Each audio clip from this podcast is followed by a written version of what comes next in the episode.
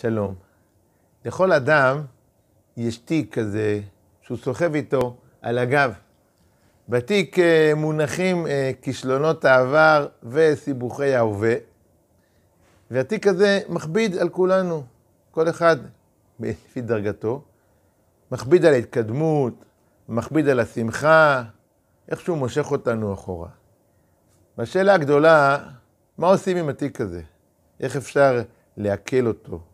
שלא כל כך יכביד, שבאמת נוכל להתקדם בשמחה, בעבודת השם, בעבודת חיינו. אולי נוכל למצוא פתרון בפרשה שלנו, אבל לפני כן ניגש לתחילת ספר שמות. בתחילת ספר שמות, משה רבנו שואל את הקדוש ברוך הוא, ואמרו לי מה שמו. מה אומר עליהם? כאשר עם ישראל שואלים אותי, מה השם שלך, מה אני אגיד להם? והתשובה מאוד מפתיעה. הקדוש ברוך הוא אומר לו, אהיה אשר אהיה. אהיה.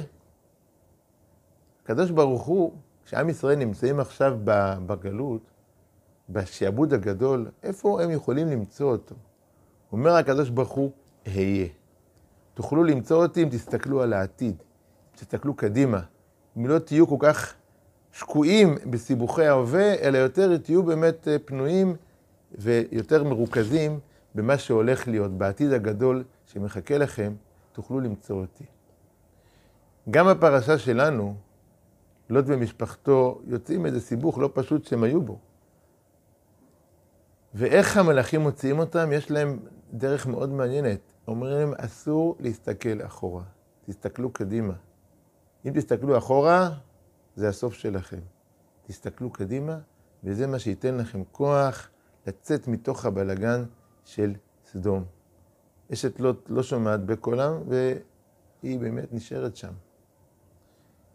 כאשר אה, לוליין הולך על חבל דק מאוד, כדי שהוא יוכל לא ליפול ממנו, מאוד חשוב שהוא יהיה מרוכז קדימה. שלא יסתכל על למטה, ולא יחשוב מה בדיוק קורה איתו, שיהיה מרוכז במטרה, לאן הוא צריך להגיע, ואז הוא באמת יוכל להחזיק מעמד ולעבור את החבל. גם אנחנו בעולם עוברים כל אחד והניסיונות שלו וההתמודדויות שלו. אבל דבר מאוד מאוד חשוב, כדי להצליח, זה לא להיות שקועים בבעיות, לא להיות שקועים בעבר, ואפילו לא להתעסק יותר מדי בסיבוכי ההווה.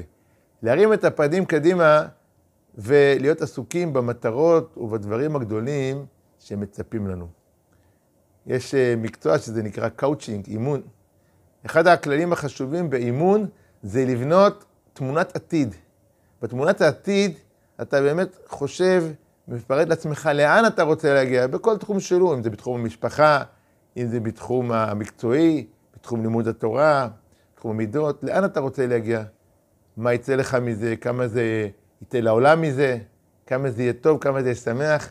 להיות עסוקים בזה, להיות מרוכזים בזה, ומתוך זה לבנות את ההווה, לא מתוך הסיבוכים של ההווה, אלא מתוך התקוות הגדולות של העתיד. גם אנחנו כל פעם כעם, שמסיימים משהו, מדברים, שנה הבאה בירושלים, ייבנה בית המקדש במהרה בימינו, עסוקים בעתיד, מרוכזים בו, ומתוכו מתקנים ומקדמים את ההווה. שבת שלום.